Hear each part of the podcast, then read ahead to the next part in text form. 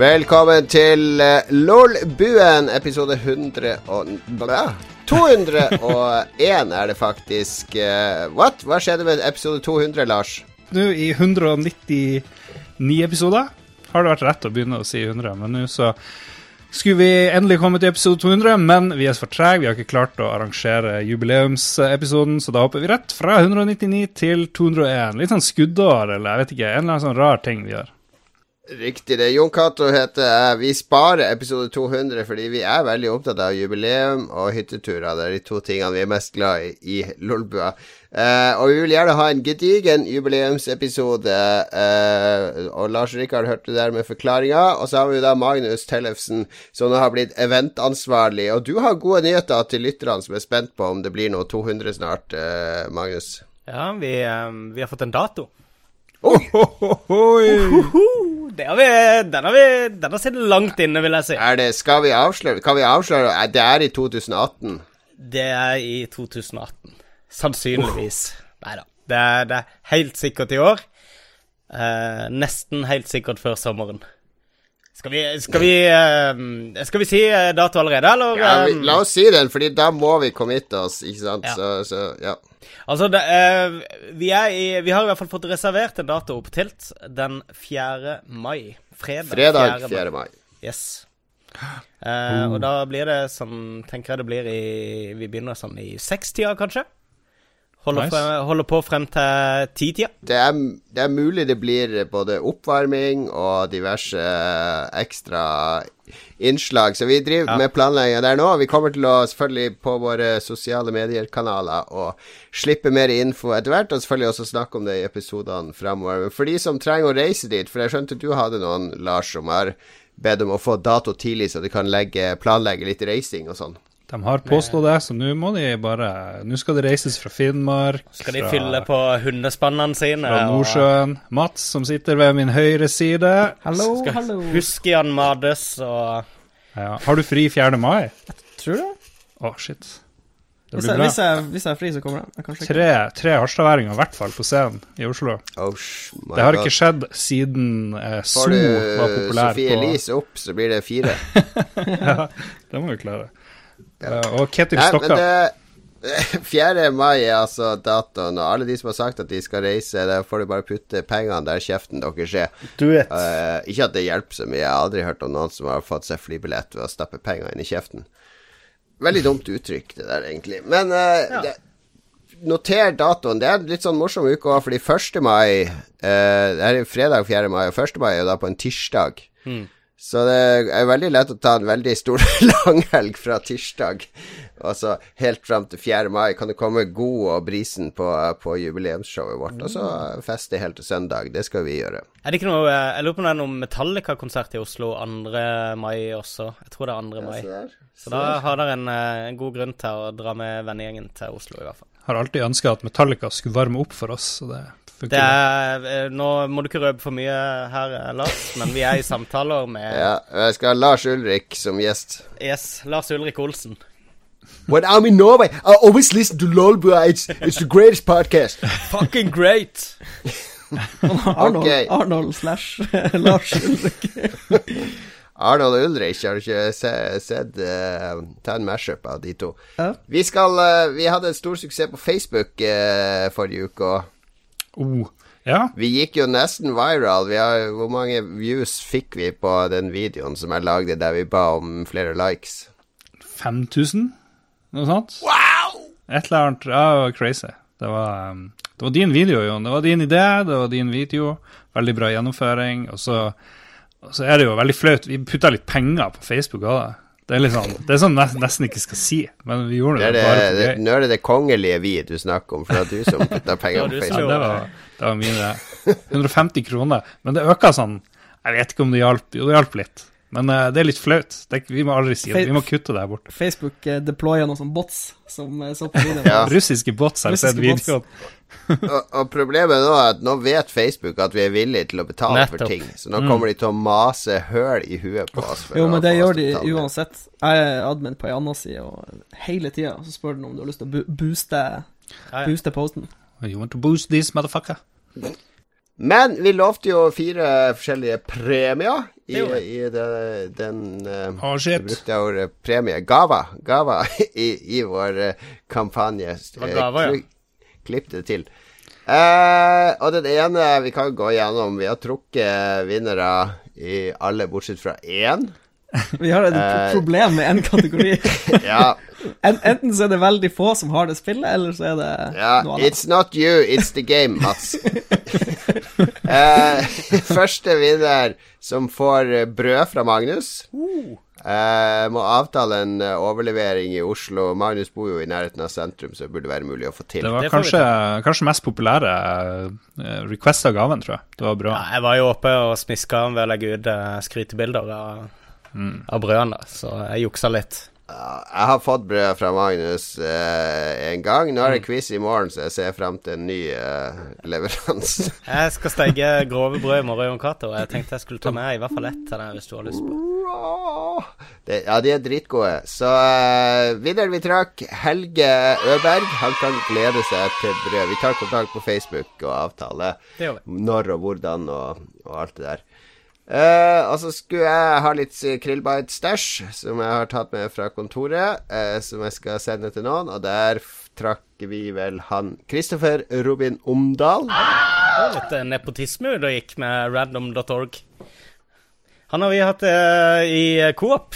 Som oh, ja, er det han? Ja, det er han, ja. ja det er Mats okay. som har trukket her. Så, ja, det, det, det, er en, helt, en random, random nummergenerator. Ja. Han har YouTube-kanalen Retrospill. Ja, men det er sweet. Der får jeg masse, får jeg masse fronting av Krillbite Stash på en YouTube-kanal. Det kan jeg like. Ja. Sang fra Lars, det var også veldig søt, da. For jeg, min, det var ikke så mange som la merke til det, for det ble så mye kommentarer. Men min mor var jo inne og kommenterte ja. at hun ønska seg bursdagssang fra Lars. Eller en telefon fra Lars. Ja, telefon fra Lars. ja. Det ønsker hun seg. Min sønn tar ikke kontakt. Lars er et godt alternativ. Yes. Det var sånn jeg tolka det. Og det ble, det ble, ikke hun som vant, det, men hun, Rose Kristin Jøsund hun skal få bursdagssang og åpning fra Lars på vi tok, eh, vi tok, eh, vi fant, jeg tror det var en fem, seks, syv som ville ha sang, så vi, vi trakk fra dem, da. Vi fant egentlig ut at de fleste var veldig materialistiske, for de ville enten ha brød eller noe stæsj fra Krillbar. Ja. Noe, noe de kan ta og føle på. Det er vanskelig å selge en telefon fra Lars på eBay. Ja. eh, til sist, og her er jo det litt triste, for det var jo, det, det var jo ingen som ville ha spille pub med Mats. Nei, jeg ingen. Nei, det var, det var, ingen som skrev det i kommentarer. Det var ingen som sa fra, i hvert fall. Det er jo sikkert noen blant de tusen og et eller annet. Men pro problemet er vel så, at eh, det, det, er vel ikke kanskje så mange som spiller det. Men skal vi si den første som eh, sender inn en melding på chat-kanalen vår på Facebook, som vil ja. spille med Mats, får, får masterclass. Det blir chicken dinner. Det blir chicken, garantert chicken dinner. Ja, Mats garanterer chicken dinner til den første som sender en melding til Lolbua på Facebook. Boom. Perfekt. Boom. Boom. Shake, shake, shake the house. Veldig bra. Vi skal uh, gå videre, men før det så kan vi jo røpe hva vi har gjort i det siste. Hvis det er noen som har noe spesielt spennende, artig, finurlig, koselig. Uh, jeg skal anbefale det i ukens anbefaling, det jeg har gjort i det siste. Så jeg, kan, jeg kan, trenger ikke si noe her. Noen som har gjort noe kult? Jeg kan komme med det motsatte av ukens anbefaling, basert på hva jeg har gjort i det siste. Ja. Jeg har uh, gått to uker nattskift. Uh. Og uh, jeg begynner å bli ganske lei nattskift nå. Jeg sliter. Nattskift ja. er noe, noe drit. Så min anbefaling er ikke ta en jobb som har mye nattskift, for det kommer til å knuse deg. Men uh, du, du, dør jo fortere og får mer sykdommer, ja, gjør du ikke det? Ja. ja. Absolutt. Så det er jo kult, da. Ja, det er tøft. jeg får tørke tårene med 100-dollarsedler. Uh, men det betyr at du må Blir du leter etter ny jobb? Hva du, hva du gjør da? Nei, du kan ikke leve i smerte. Det er vel som den uh, gjennomsnittlige nordsjøarbeideren, så er vel tough it up og bare slutt oh. å syte. Gå på jobb. Ja. ja okay. uh, som å være i Nordsjøen, som å spille Dark Souls. Mm. Get good. Yep. Harden the fuck yes. up. er, det, er du da, Magnus? Um, nei, jeg har jo uh, Jeg tror uh, det mest eventfulle jeg opplevde denne uka her, var vel å henge med deg, tror jeg. Ja, fordi vi hadde jo uh, Fredag hadde vi jo uh, Det, det posta jo en video i, mm. i våre sosiale medier.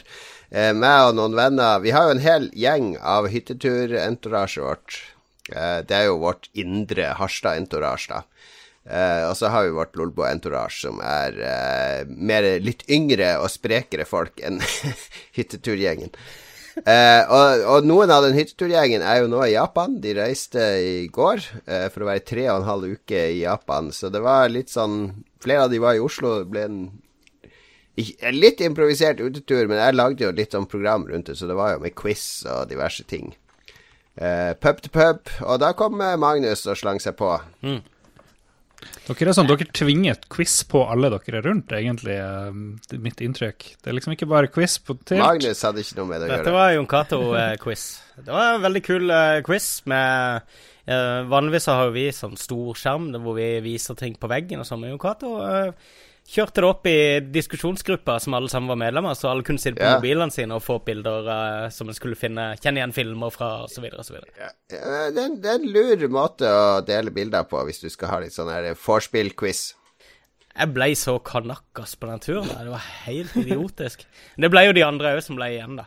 Jeg ble det var jo en haug med de som, eh, som, reiste til Japan et par dager seinere. Så ja. mye snakk om det. Ja. Jeg er veldig misunnelig på den Japan-turen. Ja, oh, Jesus jeg, jeg, jeg til Japan. Det er, det er som å Dere vet den filmen Lost in Translation? Det, vi ser jo mm. sånne Lost in Translation-bilder nå ja. på de uh, gruppene der de poster Jelly. skrytebilder fra diverse Og nå sitter vi og hører på japansk punk fra 70-tallet, og det høres ut som ja, ja, uh, norsk death metal, og det her er verdens kuleste uteplass vi er på, osv.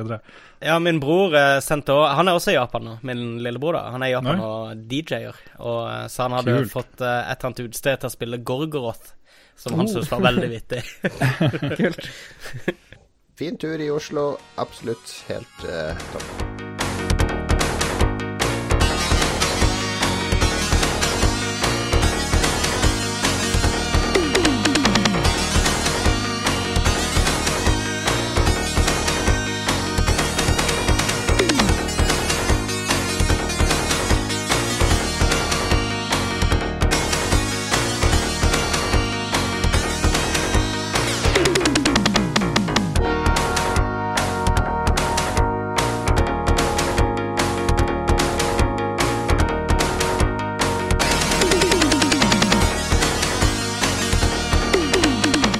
Round One hørte vi der fra et eller annet Sega 16-bit-spill. Det er fra min fantastiske CD med en sånn compilation av uh, 16-bits uh, Sega-spill der det ikke står navn på noen sanger. Eller spillene de kommer fra, dessverre. Men uh, mye fin musikk på den i hvert fall. Og fint skal det bli nå òg, for vi hadde en hjemmelekse forrige gang, karer. Right. Ja, vi har sittet og slitt med den her før sending, det må jeg bare si. Litt sånn her skolestil, vet ikke helt uh, om vi uh, men jeg tror vi har kommet opp med gull. Ikke sant? Mm. Gjennom motstand så, så, skinner man plutselig, og det tror jeg yeah. skjedde. Hjemmeleksa gikk ut på å beskrive når, Mats er jo litt uh, Han er ikke vant til det der å ha helg. For for han så er det enten sånn uh, Nå er det helg i fire uker. Ja. Og så er jeg på jobb i to-tre uker uten noe helg i det hele tatt. Yes. Så det konseptet helg sitter ganske langt inne, kanskje. Ja, det husker du fortsatt fra når du gikk på videregående eller på skole og ja, sånn, at ah, nå er det helg. Ja, det må vi Jeg tror vi må tilbake til sånn videregående, liksom. Fra, eller ja, det, det, er ikke helt sant. Jeg jobba jo litt på lager i Trondheim en periode, og da, mm. da var helga hellig. Det var liksom det som, det var det som gjorde at man ikke begikk selvmord. Det ja. ok, men da husker du den følelsen. Og, og, Magnus, du er jo også litt sånn frilanser som jobber hele tida og har ikke klart definert helg. Du klarte å sette deg inn i konseptet helg? Ja, jeg, jeg har en ganske definert helge. Um, jeg, jeg, står opp uh, grytidlig hver dag, da. Men uh, ja. jo da, jeg har absolutt et, eh, et helgeopplegg. Det er da du kan spille ti timer dagen i stedet for åtte. den var god, du. Den var god. Ja, ja den satt, tenker jeg. Nei da. Uh, vi, skal, vi skal beskrive en drømmehelg, da. Altså en optimal helg etter en slitsom arbeidsuke. Du kan jo mm. begynne, du, Lars. Da har det vært et helvete på jobb. Mm. Du har skrevet om koloni Colosseum opp og ned. Folk har ringt inn, det har vært masse feil i en artikkel. Politikere er harnisk. Du har jobba masse overtid med å få på plass saker og spre ting i sosiale medier. Endelig er det fredag, du har frihelg. Hva skjer? Ja, jeg har tatt det ganske bokstavelig, da, det her med drømmehelg. Så drømmehelga starter med at guttene nærmer seg Las Vegas i en Cadillac med rustskader og bagasjerommet fullt av penger. Vi dumper tingene våre på en shitty bed and breakfast. Eh, sånn passe bra sted med eh, basseng som man bare tør bade i hvis man er veldig full. Før vi durer av gårde til nærmeste utested med bar og noe som ligner underholdning. Vi leter, og etter en kort diskusjon så, eh, og tur så parkerer vi 200 meter unna hotellet vårt. Etter at Franke oppdager et skilt som påstår 24-timersshow og happy hour enda lengre enn det. Vi prøver å ignorere en tryllekunstner i skitne klær da døra åpner med et smell, og vi så vidt ser en kvinne komme inn i det nesten tomme lokalet. Lyset fra utsida forsvinner og døra lukker seg, og vi forsynes så vidt tilbake. Du ser at dama har høyhælte sko, én i hver hånd, og hun nesten løper bort til bartenderen. Uh, ring politiet! Uh, call the cops! There's, uh, there's been a murder! sier hun. Dama. Somebody cut off my boyfriend's head with a shotgun. Og gjengen reagerer med en gang. Ikke bare har det her skjedd før på denne turen, men snakker jo ikke norsk før hun skifter over til engelsk. Så ferdig med historien. Så min drømme min drømmehelg er en slags drøm i en sånn rar sjangerfilm fra Las Vegas. Kanskje litt sånn der uh, Hva heter det? The Bachelor? Nei, hva heter det? Det der Hangover. Litt sånn hangover. Det, tror jeg. Var det fre fredag, lørdag og søndag? Det der er jo bare starten, så okay, resten okay. får dere bare ha inni Apropos inni uh, hangover, Lars. Og full var du når vi fikk den hjemmeleksa nå sist? Husker du at vi brukte Las Vegas som eksempel, og så sa vi vi skulle ikke ha sånne eksempler? Ja, men da ble det det, vet du. Det var en fin drøm. Jeg vet du har gått på sånn kreativt skrivekurs og sånne ting, men uh, det var ja, ja. Det var en kreativ løsning. Jeg skjønte at du kom til å ikke like det, Jokat, siden du sa at du ville ha kun realistisk oppgave, men det var en kjedelig oppgave. Og da gjorde jeg den litt morsom for meg sjøl. Poenget er at vi skal gi lytterne litt innsikt i helgene våre. Eh, ikke noe sånn der eh, fantasy-roman fra Las Vegas. Det var det de fikk. Dere kan jo kjede deg med deres drømmehelg. Jeg skal uh, Ja, jeg skal kjede dem med min drømme. Min drømmehelg er veldig enkel. Jeg kommer hjem fra jobb fredag, kjempesliten. Vi griller hamburger til middag, uh, og så skal ungene se film, for det gjør de hver fredag. Og da setter jeg meg opp på kontoret, og så spiller jeg et eller annet uh, veldig kult spill som jeg gleder meg til å spille hele uka.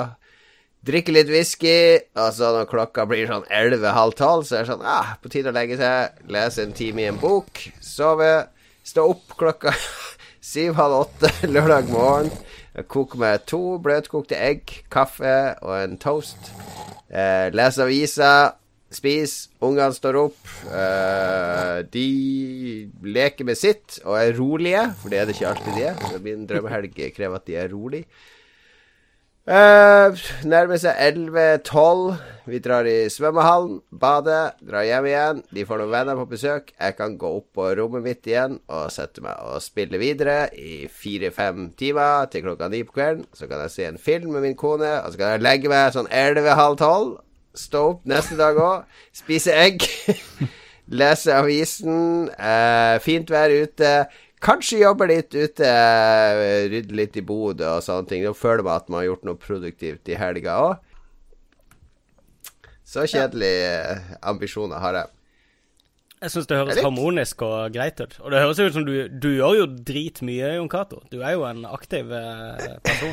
Lukas. Ja, men det er litt, uh, litt morsom kontrast da til Lars, som søker Las Vegas, stripper, mord, action. Han søker noe, noe, eksplosivt innhold i livet sitt, mens jeg søker ro og harmoni. Uh, det, er, det er veldig artig kontrast der, syns jeg. Ja.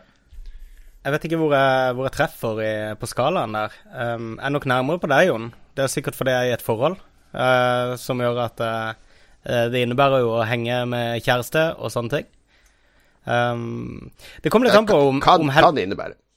ja, men det kommer litt an på om helga er en tredager, eller om det er en todager. Altså om For det det optimale da er at uh, vi har et uh, digert middagsprosjekt med og en kompis, typisk. At vi lager middag til en haug med folk. da har vi typisk begynt å forberede det tidligere i uka. Vi har handla inn og alt sånt her, og så bruker vi hele dagen på å lage det, på, typisk på fredagen. Så er det middag altfor seint på kvelden alltid. Vi er drittreige på å bli ferdige. og så blir det drikke og feste etterpå, typisk. Dag to, altså på lørdagen så er det bare snakk om å uh, skru av alle vekkerklokker, stå opp så seint du vil, lage en god kopp kaffe, lage en sånn solid kaffe eller uh, uh, frokost, typ sånn her i ett-tida eller et eller annet sånt. Så komme seg ut i byen og gjøre et eller annet. Dra og se på noe. komme seg ut, i hvert fall, og, og få bevege litt på seg, få litt frisk luft.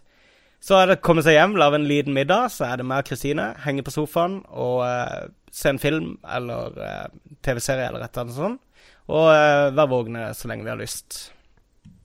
Uh, søndagen det er sofadager for meg. Hvis jeg kan bare stå opp når jeg vil. Uh, ligge på sofaen, se på TV, spille noe spill. Uh, og rydde, kjøre en oppvaskmaskin og en vaskemaskin, så er jeg happy mm. som bare det. Så jeg har lave ambisjoner for den perfekte helga. Men det, det, er liksom disse elementene som må være et sosialt element der jeg er ute, typisk på fest, eller diger middag eller et eller annet sånt. Og så er det å henge med kjæreste, kose på sofaen. Sånn der. Så er det god mat, må være med. Og eh, det med å føle at du liksom ikke har kasta vekk helga. Du må liksom ha gjort noe, et event mm. eller ja, noe nyttig, da. Det er, eh, det er, litt sånn problematisk det der med kjæreste, kone og film, syns jeg. da For jeg er jo veldig glad i, uh, i skrekkfilm, og så er jeg ja. veldig glad i gamle, klassisk, klassiske filmer sånn, på Filmstruck og Criterion og sånn. Mens hun vil helst se nye filmer og ja. hate skrekk og sci-fi, ja ja, whatever. Så det blir ofte sånn kompromiss når vi skal se film, da. Men, mm. men vi er veldig glad i sånn kritikerroste nye filmer, da. Så der kan vi treffe noe. Jeg vet ikke om du har det sånn med Kristine? Uh, hun er jo uh, hardcore sci-fi-dame. Sci-fi-dame. Så uh, hun ser Jeg er ikke så glad i sci-fi som hun er. Så det er oh, egentlig der what? vi Ja, jeg er ikke sånn veldig på sci-fi. Um, men uh, det er hun, så uh, det er ikke så mye sånn vi ser. Men vi har veldig mye felles. Er du sånn, sitter du med sånn roll eyes når dere ser sci-fi og bare Ja, særlig at det går an å fly sånn og Magnus, Magnus ser bare på hard sci-fi. Mats? Ja? Nei, uh, jeg kan bare gå all in på ei realistisk drømmehelg. yes! Ja, Nattskift på plattformen. Skikkelig jeg er litt sånn Kommer hjem fra jobb, er lei alt. Eh, drar på butikken på fredag, handler inn mat, sånn at man har mat til fredag, lørdag og søndag. Mm. Eh, det er den siste personen man ser før man drar hjem. re, re, I like, I like. Resten, altså sosiale interaksjoner utover den helga, er stemmer du hører på Discord, folk du spiller med. Så blir det jo litt sånn Ja, skal vi spille multiplayer-spill, eller skal vi bare gå all in og spille bare singleplayer-spill? Så der kan man enten balansere, eller skal man kjøre all in på en av de to, da. Spille et nytt singleplayer-spill, f.eks. Bare sette seg ned og se om man klarer å gå gjennom det før det er mandag. Eller spille 30 timer PubG, eller noe sånt. Ja. Enkelt og greit. Men får du ikke for meg er det litt sånn der sesongavhengig, spesielt om sommeren. Ja, selvfølgelig. Dette, er mer, dette, pass, dette passer bedre på vinteren. Det er litt kjedelig å trekke for ja, alt av pass, gardiner. Og... Passer best på vinteren, ei sånn her type helg, mm. uten tvil. Når det er mørkt ja. og trasig. Og, ja. Slipper du å få så sykt dårlig samvittighet hvis det er bra vær. Mm.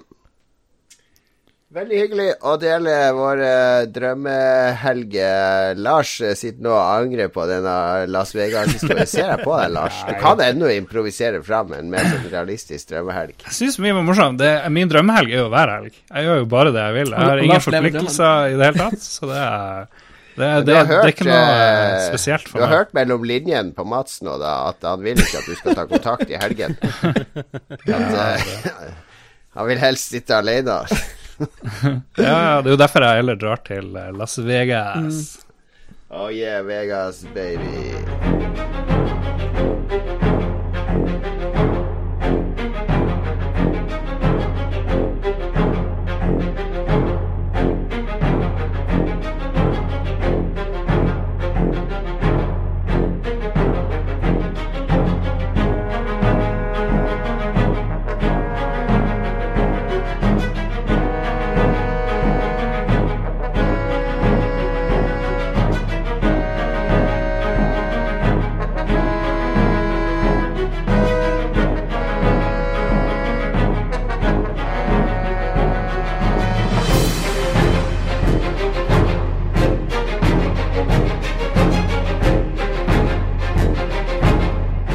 Typisk Las Vegas-musikk der, uh, som man hører i bilen på vei mot uh, Når du har en shotgun i baksetet, dekket av blod, vet at du skal til the final showdown med han narkobaronen som har ødelagt uh, hele utrykningslaget ditt.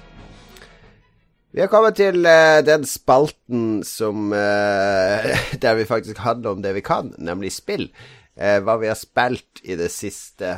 Og eh, du kan jo begynne, Marius, fordi det er jo sånn Jeg tror jeg kjenner alle. Jeg vet jo hva Lars liker og misliker. Jeg vet hva du mm. liker og misliker. Men nå har du overraska oss eh, ved ja. å faktisk ta et uh, meg, et erkejapansk spill, vil jeg si, og, og falle pladask for det. Ja, uh, jeg liker overraska som det. Um, mm. Jeg har jo sittet og venta på Nino Kuni-kode hele uka, og uh, gleda meg ordentlig til å spille det. Til slutt så ble det for mye for meg. Jeg måtte ha et ordentlig singleplayerspill. Så har jeg sittet sett på det der Yakuza Zero slash Yakuza 6-bundlen som uh, har ligget ute på, uh, på PlayStation. Der du får begge spillene for 560 spenn. Ja, for, for uh, sekseren kommer nå i april. Riktig. Ja. Men i hvert fall, du får Altså, Yakuza Zero koster 450 kroner, men du får det liksom for 500 eh, nå, så får du begge de to spillene så lenge du oh, sweet. Ja, utrolig bra pakke. Og jeg har jo lenge sittet litt på gjerdet med Yakuza. Det, problemet med serien er jo at det er én lang story, ikke sant? Ja. Og så er det liksom Ja, nå kommer sekseren. Så bare Ja. For jeg begynner på eneren, da, eller begynner å se på YouTube-filmer og lese law, og det var jeg ikke så hypp på. Så jeg begynte på Yakuza Zero. Jeg ble, altså, det er, jo, det er jo nesten bare film. Um, Veldig mye å sitte og se på, ja. Og, men jeg elsker jo story, i hvert fall når det er godt fortalt. Og mm. jeg ble så bergtatt umiddelbart av karakterene og karakterdesignet i det spillet der. Og, og interessant verden er. Det, det, er så interessant, det som skjer òg. Eh, problemstillingene er, er Eh, spennende, og mysteriene er mystiske. Eh, skuespillet er knallbra, og bare filmsekvensene er ufattelig kule. Det er dritbra regissert. Og mm. Du spiller én karakter, liksom? Du I, nei, du spiller flere utover i spillet, da. Eh, okay, jeg har kommet ja. til et tredje eller fjerde kapittel nå, så jeg har jo, eh, jeg har jo tilbrakt noen timer der allerede. Det har allerede vært noen sånn goosebumps-øyeblikk. Um, det er jo basically mafiaversjonen av Shenmue, og jeg er ikke så glad i Shenmue. Så jeg var egentlig veldig skeptisk til det ja, spillet. De, de, sier jo at det er den åndelige arvtakeren til Shenmue. Riktig. For Shenmue så spiller du politi? Eller? Nei, det er jo sånn, du spiller en sånn kid. Kung fu-dude som leter etter faren sin. Kung fu-politi. Men han ligner veldig Han er ikke politi. Nei, han er ikke politi. Faren hans ble drept. Og, er, det, er, det, er, det, er Yakuza Zero en prequel, siden det heter null? Ja, og ja. det er det som er så bra med, med Yakuza Zero, er at uh, handlinga er satt til 80-tallet. Oh. Og det er kun i Yakuza 4, så vidt jeg har skjønt, jeg måtte lese meg opp litt på om jeg var nødt til å vite noe for å kunne spille dette spillet. Og eh, Kotaku hadde en kul sånn greie med sånne tips hvis du aldri har spilt Yakuza før. Hvis du skal spille Yakuza Zero. Så sa de her er to videofiler, eh, eller to filmer, som viser deg det eneste du trenger å liksom ha som backstory. For det, i Jaksa 4 så var det to ting som er sånn flashbacks til 80-tallet. Og hele handlinga her ligger på 80-tallet. Så det er det eneste som allerede har skjedd når du setter i gang med Jaksa Zero. Um, så jeg, jeg, vet ingenting om det Jon Cato vet om, uh, om Yakuza-universet. Du styrer jo han eh, Kazuma Kiryu, som er verdens kuleste actionhelt. Uh, mannlig og, og flott. Ja, han er sånn da Låst opp han, eh, han karakteren to, eh, han, eh, han med eyepatchen. Goro Majima, er det ikke det? Ja, ja, ja. Men det er masse kul story. Men Uh, Yakuza er jo veldig mye sidequester nå, fordi det sidequestene er det surrealistiske i spillene, når du skal hjelpe ja. han kiden som har fått frastjålet Dragon Quest-spillet sitt, og ja. han som samler på jentetruse, og det er mye merkelige greier i de sidequestene. Ja, og det er jo der det skinner mest, på sitt aller mest japanske, selvfølgelig. Um, da er du jo langt over i mangaverden. Men, uh, men det funker på sin egen litt sånn skrullete japanske måte. Men jeg, jeg har sin egen identitet. Det er jo det spillet har.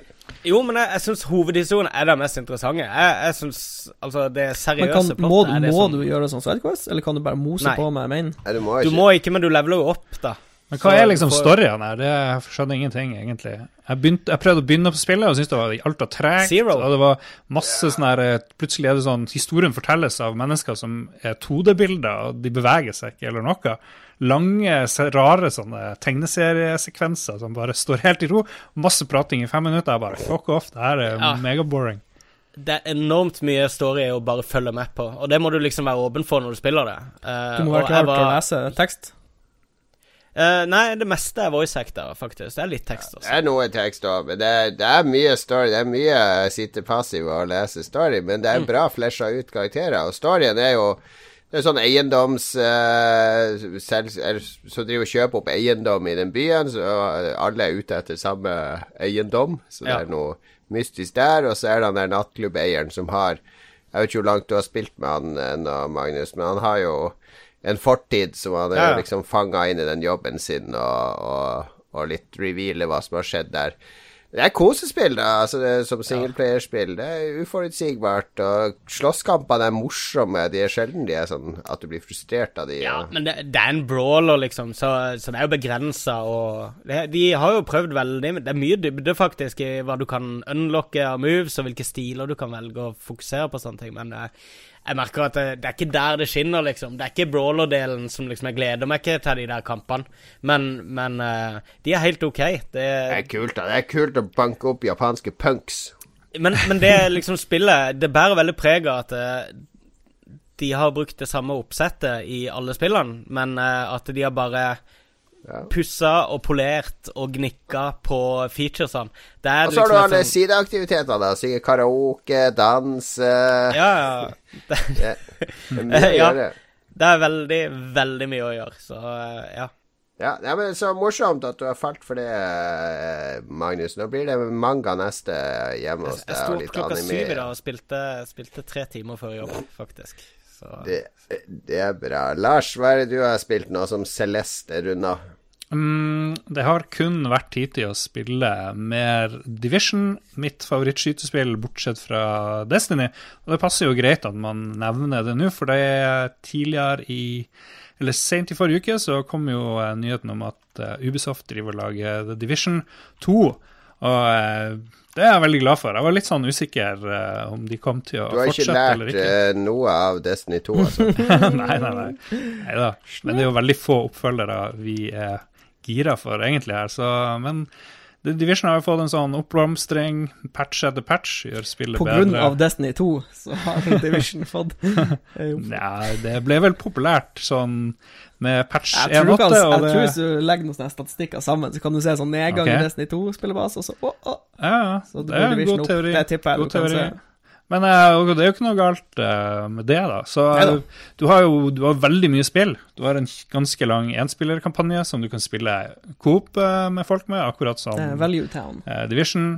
Og så har du 100 andre modes. Du har PVP, og du har PVE, og kan samle på ja, det var noe som heter Survival, Underground og noen sånne wave-greier. Overground. Eh, plutselig må du overleve i en vinter hvor du begynner å fryse og du må kle på deg. Helt andre teknikker eller mekanikker som er i resten av spillet. Og så har du tusen ting å samle på. Sånn la layering som er viktig da, og sånn lag med klær. At du har sånn ja. stillongs. Viktig. Det blir, vi hadde jo en episode som bare handla om tar vi på oss eh, buksa ja, eller sokkene først, og det kommer jo til sin rett i det spillet. Nei da.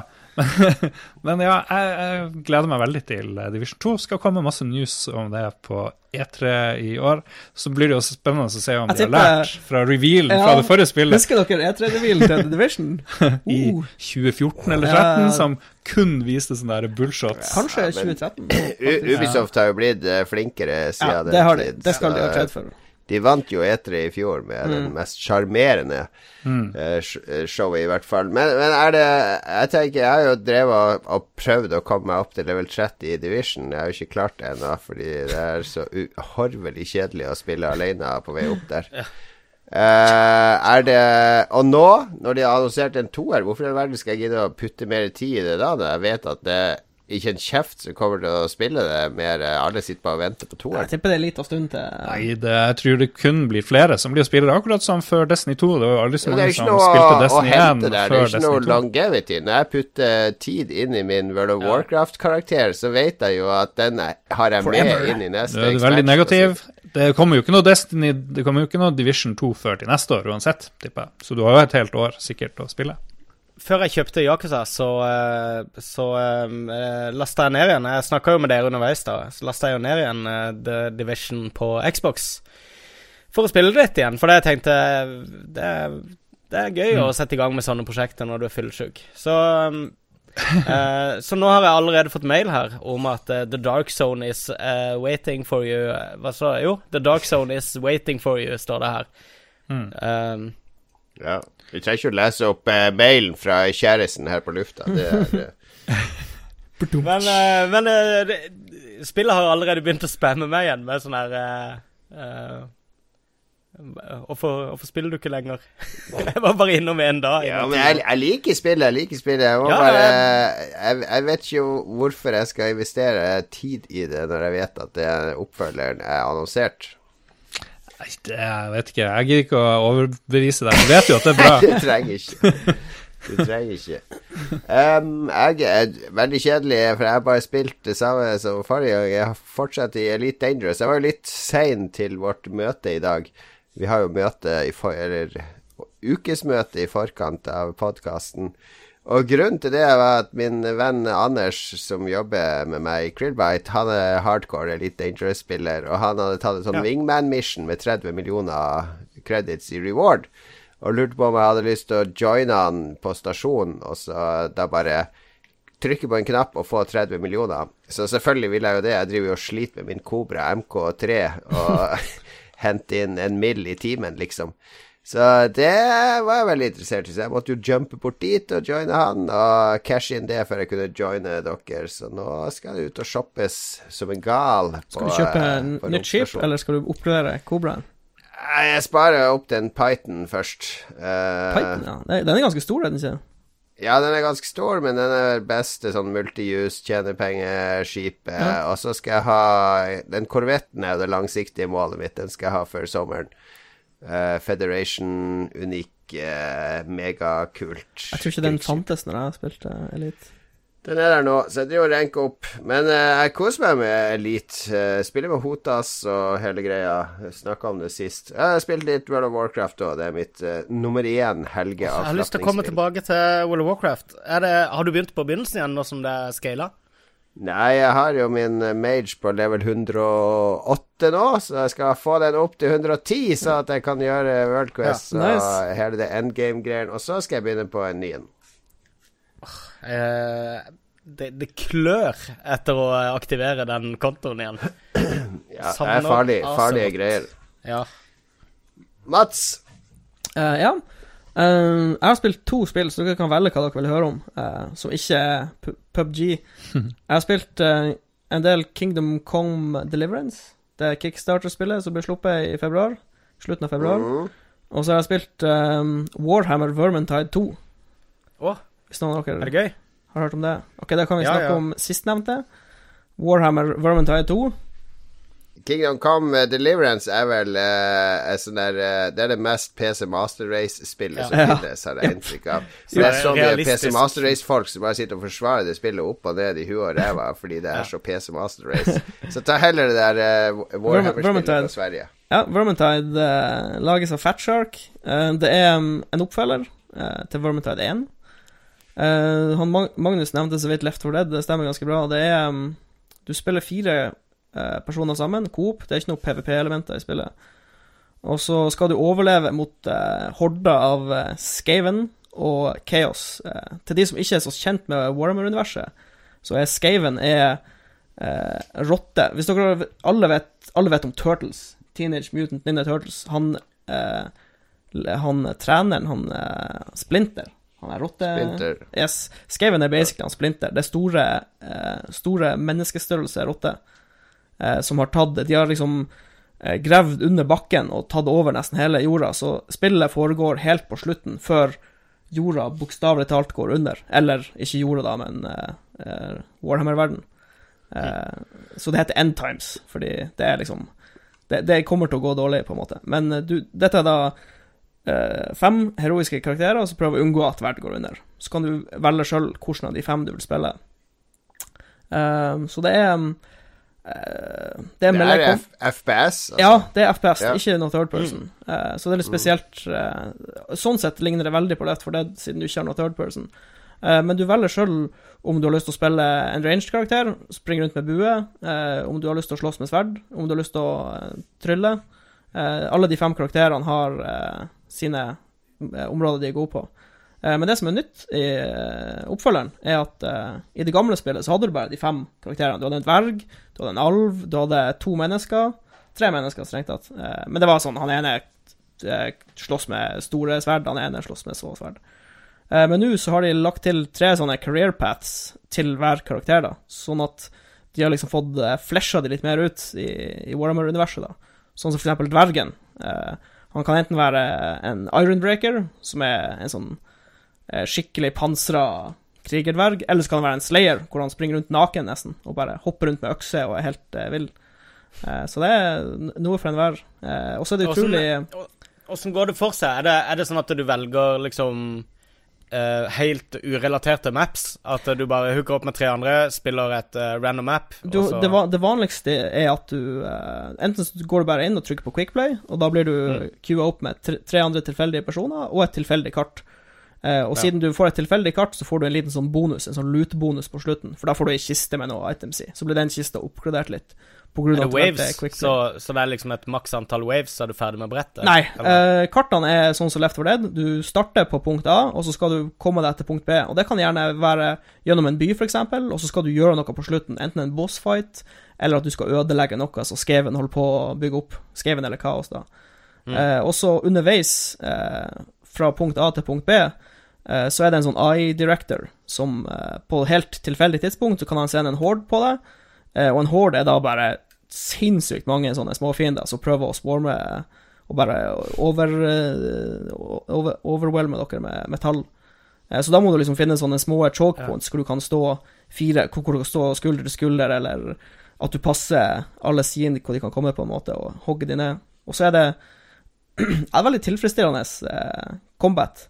For det er liksom Det er ikke så avansert. Du har, du har ikke noe Du har bare et vanlig angrep. Eh, eller du har to eh, basisangrep med, med, med levevåpen. Du har mm. eh, quick attacks. Da trykker du bare på knappen, og så har du charge attacks. Og så har du blokk. Eh, men det gjelder liksom å finne balansen mellom å, å bruke quick attacks, bruke charge attacks og danse frem og tilbake for å ikke bli slått eh, av fienden, da. Så det er mm. Ja, Blir det bli... mye sånn eh, one-on-one-dueller med AI-en, da? Ja, eller på, på, en måte bare at AI-en er en stor klump med fiender. Så eh, Men ja. du kan jo du ja, kan ikke treffe sant, det er som Left for Dead. Mm. Nettopp. Left for Dead. Tenk Left for Dead. Tenk hundrevis av fiender på skjermen. Uh, men som sagt, hvis du spiller, hvis du spiller med en stor toenshammer uh, ja. Tenk, du er en liten dverg, du har en stor toenshammer, og så kan du svinge den fra venstre til høyre, og så kan du treffe tolv rotte, og så bare flyr de av gårde. Fordi eh, du, du, treffer dem så hardt, liksom. Det er ganske tilfredsstillende. Er ikke det um, en sånn uh, Humble Bundle-greie i disse dager? Uh, ja, det er sånn uh, sikkert. Det er i hvert fall sånn snill prisspill. Koster sånn 180 eller 200 kroner. Men det ja. Spilte en 30-40 timer med noen venner, og det er utrolig morsomt. Det er bare veldig tight, tight gameplay. Uh, det er liksom, det er, og det, det er veldig voldelig, da, kan vi si. Det er hoder som eksploderer, og armer og føtter som flyr, og Men det er, det er rottehodene. ja, rottehoder, det går bra. Rotteblå, null problem. Jeg har, jeg har dødslyst til å spille det. Uh, det skal definitivt kjøpes. Ja. Meget uh, morsomt. Er det gøy selv om ikke Er det gøy å spille med randoms? Eller uh, ja, jeg spilte Jeg har spilt, jeg har spilt ca. 50-50. Jeg har spilt kanskje 15-20 timer med tilfeldige folk på internettet, og så har jeg spilt resten med noen venner som plukka opp spillet nylig. Og det, jeg syns det er helt eh, Folk er flinke å bruke mikrofon, og de er hyggelige, og det har vært veldig sånn eh, Sammenligna med andre online-miljøer, så er det kanskje et av de minst uh, toxic miljøene. folk som spiller de Coop-spillene. Ja, men Warhammer er vel for et litt sånn voksnere publikum? Ja, det er som er For at med en gang du spiller sammen mot, mot datamaskinen, ja. så er det, ja. blir det litt mer sånn chill stemning. Det, folk er ikke, ikke så mye å hente på Hey, faggot! Hey, faggot! ja. det, det, er ikke så mye å vinne på det når det er sammen. Ja, ja, ja. Nei, det er, det er, bra. By the way, eksploderende soda. Vi har jo ikke nevnt at vår eh, helt Det er jo lenge siden vi har hatt en Make America Great Again-spalte om Donald Trump og hans eh, morsomme, lystige påfunn. Og han samla jo spillindustrien eh, seint i forrige uke, oh, og blant ja, annet viste vi, frem en sånn video med det verste på, du får. Vi er tilbake på 90-tallet med dataspill. Ja, ja, ja, helt rått plutselig fikk jeg Fordi vi må gjøre noe med våpenproblematikk. Ja. La oss fokusere på dataspill. dataspill. Ja. Og jeg vet ikke kom, det, er, uff, det er så teit. Kom det noe ut av det møtet? Har vi liksom fått vite noe? Det er mye hoderisting generelt på internettet. Ja, det. Fordi det er, det er, så teit. Det er liksom Jeg trodde vi var, hadde kommet forbi det punktet her, men eh, tydeligvis ikke. Vi må, vi må forsvare dataspill igjen. Ja. Men det var jo ikke noe god reklame for dataspill når du får se de her Bare en lang video med sånn ultravold. Ultrasyk, ja. vilt vold. Kunne det samme skjedd i By the way, kunne det samme skjedd i Norge, hvor Erna Solberg er kjent for å sitte og spille Pokémon i stortingssalen osv. Hun spiller jo kanskje ikke snipersimulator og skyte deg inn i hodet til folk. Hun, skal, hun reagerer jo ikke sterkt på noen ting. Nei, i Norge Vi har jo hatt uh, Breivik som hadde spilt på The World of Warcraft og ja, Call of Duty, og selv det klarte vi å forholde oss relativt rasjonelt til. Ja, det er faktisk Så vi er et litt mer rasjonelt land enn eh, en USA. I Norge så er jo det største Det farligste spillet er jo ikke de blodige dataspillene, det er jo poker. Som de sender 100 bevæpna politifolk med hunder ut for å reide i Oslo. Tenk hvor mye ressurser de brukte på det. Ja, en signaleffekt eller et eller annet. Men vi trenger ikke å rive. Jeg vil avslutte med at uh, jeg ble litt inspirert av Warhammer Vermintide 2. Jeg fulgte litt med på det, så han fikk uh, god kritikk i Eurogamer. Hvis vi fire var ekte Vi, uh, vi ble teleportert nå. Vi er faktisk ekte Dungeons and Dragons-eventyrere. Hvilke klasser, raser er vi, Mats? Hva er du for noe? Oh. Uh, kjenner du til Warhammer-rollespillet, Jon Cato? Ja da, jo da. Det har jo sånne fantastiske careers, uh, som Ratcatcher og sånn. Uh, men ja, Dungeons Dragons Hvis nei, drømmen din er å være en ratcatcher, så kan nei, du få lov å være det, Dungeons Dragons. Um, det var ikke drømmen, det var, det var bare en bisetning, fordi de har så morsomme sånne utstyrslister og sånn, alle de her klassene i Warhammer. for eksempel Ratcatcher starter alltid med en liten hund. Det har han liksom som fast startingutstyr. Men, ja, vi, Dude, kan... jeg ville bare at du skulle si sånn yeah. fighter, eh, et eller annet. Uh, ok, ok, ok. Jeg skal, jeg, skal ikke, jeg skal, ikke, være så vanskelig. Uh, ork, ork fighter. Ork fighter, ok, ok. Half-ork, da. Half-ork. Ja, half-ork. Ja, fighter. Eh, kan stole litt på det. Pluss to. Ja, men det er greit. Da har vi en half-ork fighter, og bak han så kommer Magnus tråkkende, som Um, rase er jeg ikke helt uh, sikker på, men uh, den rollen i hvert fall jeg har oppdaga gjennom alle spillerne har spilt opp igjennom, er en slags crowd control uh, slash support-klasse. det er det jeg er glad i å spille. Mage. ja, det ble Bard, ja. Ja, det er Bard. Bard er bra. Ja, men Bard, Bard, krever at du synger, da, Magnus. Ja, jeg vet det, så men, det må vi finne en løsning eller på. Eller Wizard, er det veldig Du må ha en boomblaster eller noe ja, All right, Lars, da. Hva er det, er det klerikken vår? ja Et eller annet. Jeg kunne gjerne være sånn Jeg tror Lars er rogue. Litt sånn trasig rogue som driver og Trasig rogue? Nei, litt sånn litt sånn uh, anti-establishment og har en sånn agenda han vil pushe på alle. og mm. Driver og lyver hele tida og prøver å få deg til å gjøre ting du ikke vil gjøre. jeg prøver å være sånn face av og til når jeg spiller ja. rollespill. Ja, karis litt karisma. Litt Dette er siste gangen Mats og Lars prater sammen. uh, ja, så en slags rogue-karakter med, med sverdet en, klart. En, en tiefling rogue. Ja, det høres bra ut. Ja. Jeg tar ikke det. Det er jo ganske lawful good. Liker å følge lover og regler. Laster ikke ned torrents og sånn tull. Eh, kjøper og betale for alt. Stjeler aldri, Sniker aldri på T-banen. Så jeg er jo lawful. Liker å tro at jeg er ganske good òg. Eh, Godhjerta person. Så eh, jeg blir jo den gode kleriken da, som hjelper alle dere å bli bra. Enable dere. Akkurat som jeg gjør i Lolbua. Eh, enable dere til, til å yte deres Hvordan raser det? beste. Uh, human. Jeg, jeg, blir, vet du hva, jeg er alltid human, fordi det er ikke fordi jeg er rasist.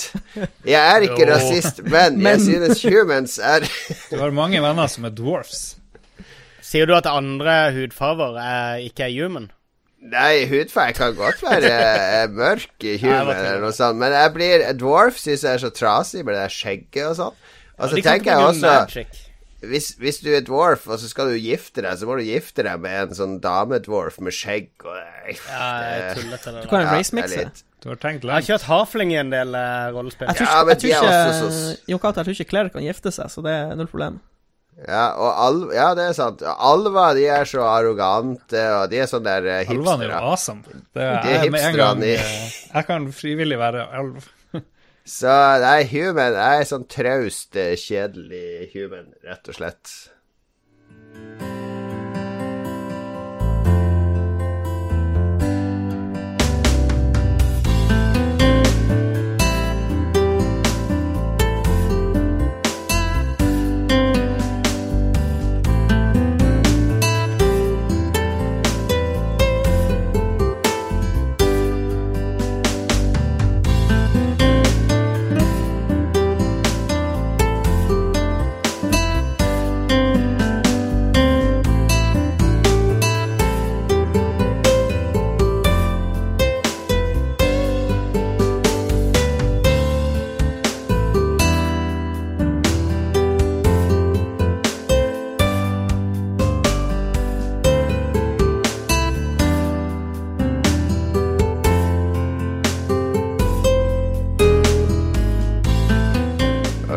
Nettopp en melding her fra min wingman i Elite Dangerous at uh, eh, 20 nye millioner venter på meg i stasjonen bare jeg logger på og joiner oppdraget hans. Så her må det fortgang til. Chut, chut, chut, ja, du tjent på human trafficking, uh, Jon Cato. Ja, Imperial Slaves. Altså, jeg er jo Federation, så hva de imperiet gjør med slavehandelen sin, det er ikke så viktig for meg. Det sier mye om din karakter. Ukas anbefaling er det nå. Yes. Det er det her vi uforbeholdent anbefaler ting som vi tror at du, kjære lytter, vil ha glede av i livet ditt. Livet ditt vil bli bedre hvis du følger vår anbefaling her. Uh, det er som regel underholdningsprodukter vi anbefaler, men det kan også være opplevelser, uh, ting du spiser, uh, steder du besøker, osv., osv. Det kan til og med være yrker. Det er bare noe vi har lyst til å anbefale deg å prøve. Uh, skal jeg begynne, siden jeg skravla mi i går, som vanlig? Ja. Jeg har sett uh, så en film i går med min kone. Uh, jeg er veldig glad i Jeg, jeg snakka jo tidligere om hvordan det var litt sånn problematisk av og til å finne en film som vi begge vil se. Ja. For jeg liker litt horror og gamle filmer. Og hun vil helst ha nyere filmer. Men det vi begge er litt glad i, det er sånne Cannes-filmer, eller sånn Sundance Altså sånne litt sånn filmer som når opp og frem på festivaler, som blir lagt merke til av kritikere. Og da, på, på Apple-TV-en min, så kjøpte jeg The Square, som er den svenske Cannes-vinneren fra i fjor. Eh, Laga av en svensk regissør. Eh, to timer og 40 minutter om eh, en museumskurator i Stockholm og hans eventyr. Eh, litt langt. Og, litt langt. det er litt lang. Den er faktisk litt lang. Den siste halve timen kunne det nok vært kutta litt i. Men samtidig så er det, det er en sylskarp eh, samfunnskritikk om eh, om eh, klasseskillet vi har i dag. Eh, det er mange tiggere med. Eh, det er veldig sånn stilistiske scener. Han er ekstremt opptatt av scenografi og at kameraene skal stå perfekt plassert alle scener ser ut Det er litt sånn Kubrik-aktig i hvordan han har bygd opp scenene og, og, sånne ting. Og så er det jo Det er så mye kule folk med. Er danske som er den museumskuratoren. Og, og hun der Elisabeth Moss, er det hun heter hun fra Mad Men? Hun Peggy? Hun fra Handmaids Ja, riktig. Handmaid's Tale. Ja. Mm. Hun er med, og til og med han Dominic West, som jo er uh, han fra The Wire. The Wire. Han, uh, han, er med i en liten rolle. Så det er litt sånn internasjonal cast. Uh, og så er det Hele filmen harselerer jo med media, PR-byråer, og, og, spesielt moderne kunst og, og kunstinstitusjoner, men også dette klasseskille der vi tror vi er så gode og snille, mens vi egentlig bare sitter oppi boblen vår og, og, og, har en sånn illusjon av hva, hva, som er viktig, og, og så videre. Hm. Så det er en sånn film der hver eneste scene gir deg noe å tenke på, og noen av de scenene er noe av det mest intense jeg har sett på film på lenge. Det er noe, det er noen sånn utrolig ubehagelige sosiale konstruksjoner i denne filmen, eh, der du blir konfrontert med noe av de verste tingene inni deg. Eh. Det der med, med, å gjemme deg bort i en gruppe, eller ikke være den som hjelper til eller sier ifra, og hele den greia, der du der jeg vet at jeg hadde gjort sånn som alle de drittsekkene, fordi at vi er egentlig ganske feige. Og ja, jeg anbefaler varmt. The Square. Uh, Gullpalmevinner fra Cannes. 99 kroner tror jeg den koster på iTunes. Løp og. Den vant vel Oscar da? gjorde den ikke? Har ikke peiling. Nei, det var Oscar-kandidaten, men det var ikke den som vant. Det var noe sånn sloppy Hollywood-bæl-drit i stedet, tror jeg. Ok, To timer og 40 minutter med å føle de mest kjipe følelsene du kan føle. Dårlig samvittighet i to, to timer og 40 kroner så får du dårlig samvittighet, men det beste er jo at det går over ganske fort, og det er ikke din skyld. Så det, det er litt sånn Det er som å se horror. Du vet det, du får bli veldig redd, men så er det ikke ekte. Altså, det er ikke det samme. Jeg liker jo å se filmer som utfordrer meg og, og får meg til å ja. se meg sjøl i speilet på en ny måte. Det er jo det beste med litteratur og kunst, det at når du når du må ta et oppgjør med deg sjøl. Så, så det her, jeg har gått og tenkt på den filmen i hele dag, så det har gjort veldig inntrykk på meg. Ja. Neste, Magnus. Ja, um... Kjøpt og betalt av NRK som vanlig, for du yes. elsker jo NRK. Jeg har aldri sett det, det, kan ikke være noen i Norge som betaler sin lisens med så mye glede som det. Det var, det var introen min her, at uh, jeg er som kjent en uh, lisensbetaler på min hals. Um, du er sånn Da skal jeg faen meg ha valuta for pengene! Jeg skal se 50 timer NRK i uka. Skal Begynner jeg på A! skal, jeg se, skal jeg se alle Dagsrevyene siden de begynte å lagre det? Nei da. Men eh, NRK-appen er veldig kul å sitte og grave i når, eh, når, du ikke har noe å se på. Eh, spesielt på dokumentarer er de utrolig flinke. Um, jeg ramla over uh, ho, uh, ei dame som heter uh, Dia Khan som i Norge, fant jeg jo ut etter hvert, er bedre kjent som Deepika. Um, de av oss som uh, var tenkende individer på 90-tallet, og ikke bitte små babyer, husker kanskje hun som en sånn derre Hun, hun blanda sånn etnisk uh, pakistansk musikk med, med sånn hiphop-beats og sånne ting, som uh, endte opp med at hun endte opp med å samarbeide med Nils Petter Molvær og en del eh, ganske anerkjente norske musikere, og hun spilte vel på en, en nobelprisutdeling, tror jeg også, faktisk. Um, det har alle gjort, tror jeg. Spilt på men Nobel. da hun var, var, hun var 17 år da hun ga ut den singla si uh, etter Get Off My Back, tror jeg den heter. Og den ble så kontroversiell i det muslimske miljøet i Oslo at uh, hun fikk så mye volds- og drapstrusler og Uh, hun ble angrepet og trua, trua, trua. Til slutt, så, som 17 år gammel, måtte hun flytte fra Norge og flytte til Storbritannia. Hvor uh, hun måtte få seg helt nye venner, helt ny omgangskrets. Hun uh, mista kontakt med familien, med uh, norske språk, absolutt alt. Hun er nå en brite. Og det som er greia, da, er at hun gikk rett fra å være liksom sånn talentfull musiker, 17-åring, til å bare bli en sinnssykt talentfull dokumentarskaper. Og det er der jeg ramla over henne, fordi at eh, hun har nå en dokumentar på eh, NRK-appen som heter eh, Dia Khan i møte med fienden.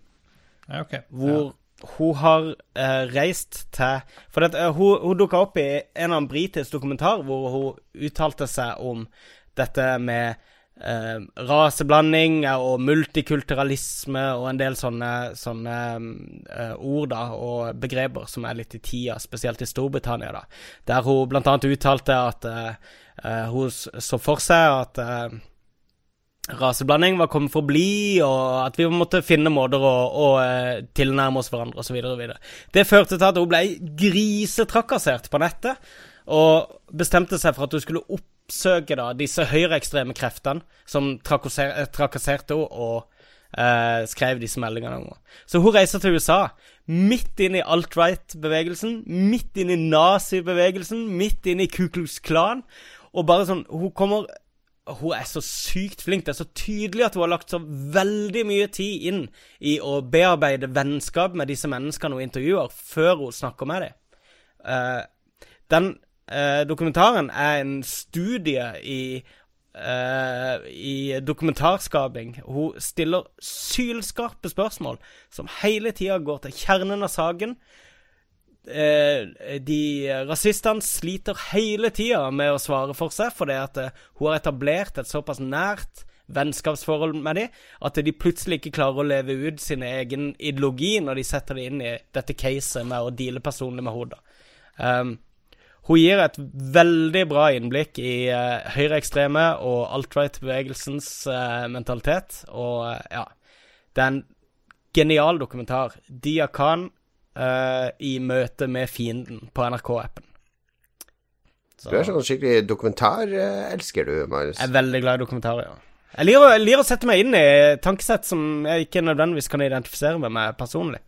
Det er interessant å få et, et innblikk i, i andres måter å tenke på. Ja. ja. Lars, du, du hater jo å få innblikk i hvordan andre tenker. Så hva tenker du nå? Hva er det du anbefaler? jeg føler at min anbefaling er litt shit sammenlignet med Magnus sin. Sånn bruker det å være. Jeg vil anbefale tikka masala-kittet til Toro. Nei, jeg tuller. Det var noen som nevnte det i chatten. Ja. Jeg vil anbefale um, det jeg har gjort i det siste mye, er å kjøre til og fra Stokmarknes. Og det var bare helt magisk. Vesterålen Hva har du gjort i Stokmarknes?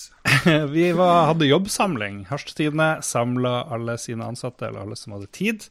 Eh, vi kjørte ikke til Sortland, nei, vi tok og knuste på enda videre. For ut videre til Stokmarknes. Bodde på Stokmarknes kysthotell, noe sånt. Det høres jo Helt... faen meg mer ut som en straff enn en, uh, en belønning. Jeg tenkte, Vi var jo de fleste kanskje litt skeptiske. Eller ikke de fleste, var, noen var litt skeptiske. Jeg var faen skal jeg bruke helga på det her? Men bare den kjøreturen ut, jeg og en kollega kjørte alene. Han har kjørt med Alfa Romeoen sin, satt på sånn sportsmodus og bare burna litt ekstra eh, her og der når det passa seg. Veldig gøy. Uh, spilte masse musikk. Han har kjempegod musikksmak. Og så eh, på tilbaketuren så slengte jeg opp droner, så lærte jeg å kjøre drone. Så bare det var gøy.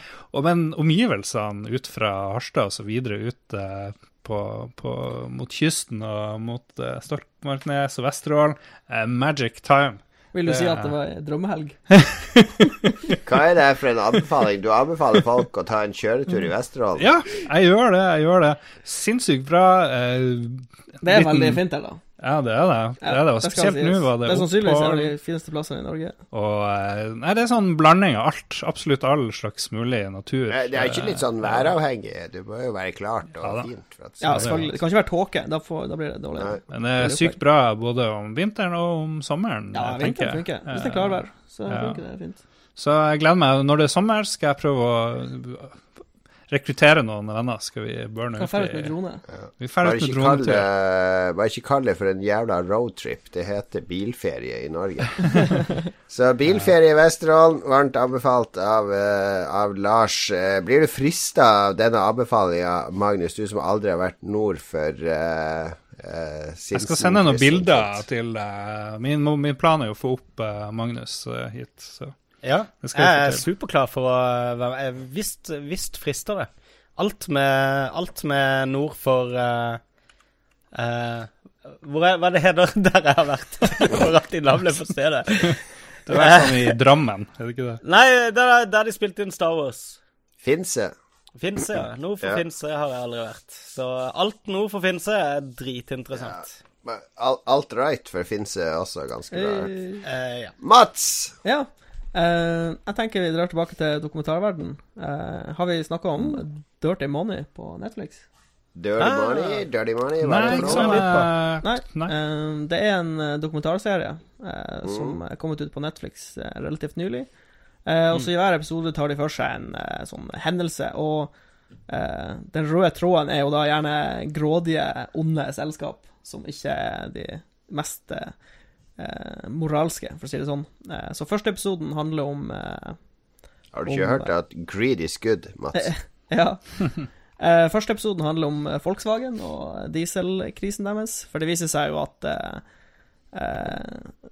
Volkswagen og eh, mange høyt oppe i Volkswagen visste jo om det her i lang, lang tid. Eh, det var så rått. Ja, altså, det, når, du tenk, når, du tenker på det, hele det opplegget der, ja. med de dieselmotorene Det er jo ikke noe sjokk, fordi de lagde jo ja, biler altså, for Hitler i sin tid, så det ja. burde jo folk Hadde folk kjent sin historie, så hadde de jo skjønt uh, hvor det her kom fra. Uh, hit, var, dette var et større Hitler, folkebedrag Hitler, enn andre verdenskrig. Hitler er med ganske tidlig i episoden, og så bare Nei, vi kan ikke Det blir for lett, på en måte. Men uh, um, jeg har sett fire episoder. andre episoden handler om Hva handler andre episoden om? Uh, det må jeg tenke. Ja, vi går videre mens jeg sturer på det. Uh, tredje episoden handler om Valiant, et sånn stort uh, apotekselskap. Uh, alle har sikkert hørt om han der Skrelli-fyren. USAs mest forhatte mann. Syv års fengsel. Yes. Uh, det som er litt interessant, er at det han fikk fengsel for, det var ikke å sette opp prisene på, på medisiner. det var noe helt annet han sitter fengsel for, eller blir dømt til fengsel for.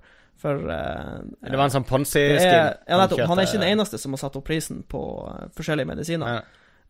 og det firmaet så den episoden Payday handler, Loans var episode to. Uh.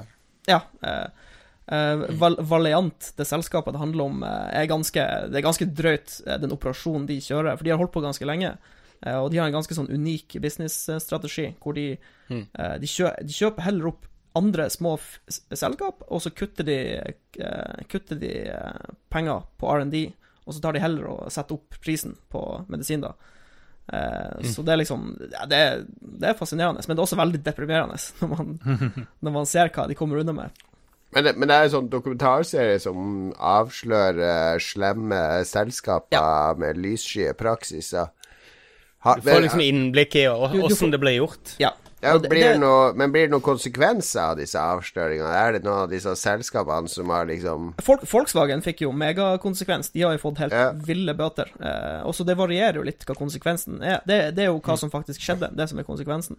Eh, noen blir straffa, noen kommer billig unna, men de, de forteller det rimelig rett ut eh, hva som eh, det, eh, Dette er jo store ting som har vært i media mens de pågikk som, uh, som, de har kommet tilbake til nå i etterkant og, og oppsummert. Ja, no, noe er jo ganske ferskt, da. Sånn så ja. uh, den skrell, uh, Valiant og den skrellige-greia er jo uh, superfresh, liksom. Så, Men Har det påvirka deg som forbruker, Mats? Er det sånn at du ja, aktivt si velger sånn, bort noen av de her du har sett dokumentar på, kommer, eller? Jeg kommer aldri til å kjøpe en dieselbil, kan jeg si.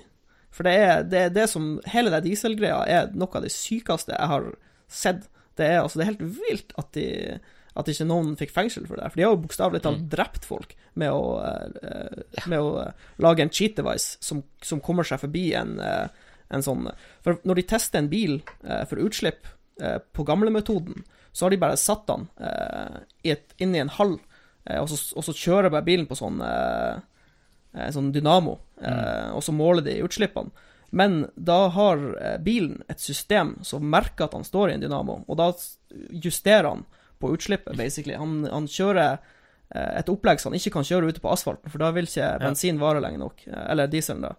Eh, så de har liksom De har med vilje lagd et system liksom. som skal lure systemet, som skal kontrollere hvor mye utslipp det er. Og det vet de om, det, liksom.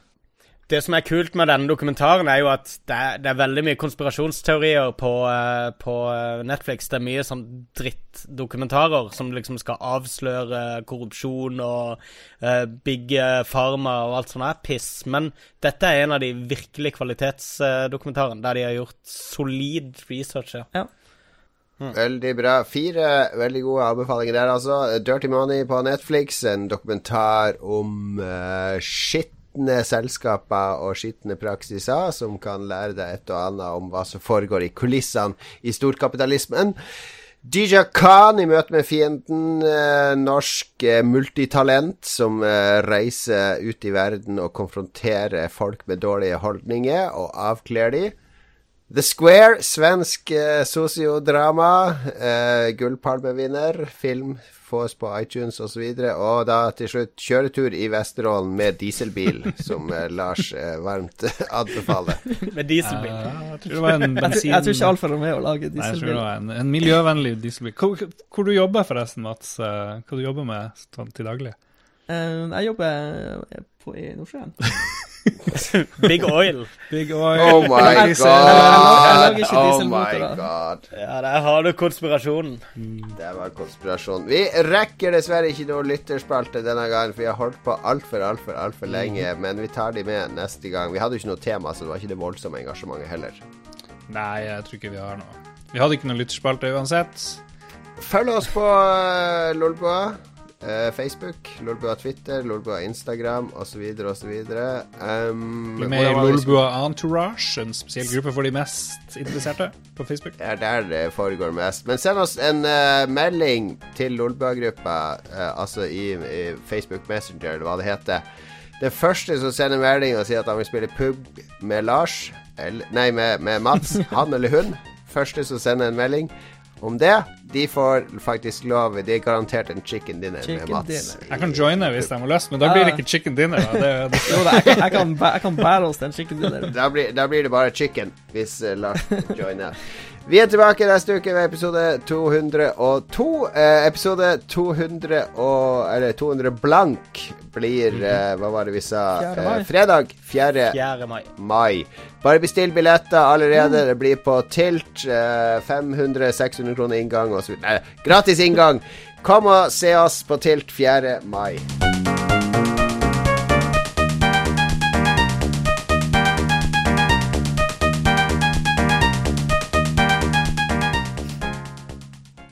Har du et enkeltpersonforetak eller en liten bedrift?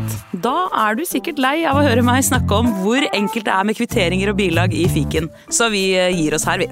Fordi vi liker enkelt. Fiken superenkelt regnskap.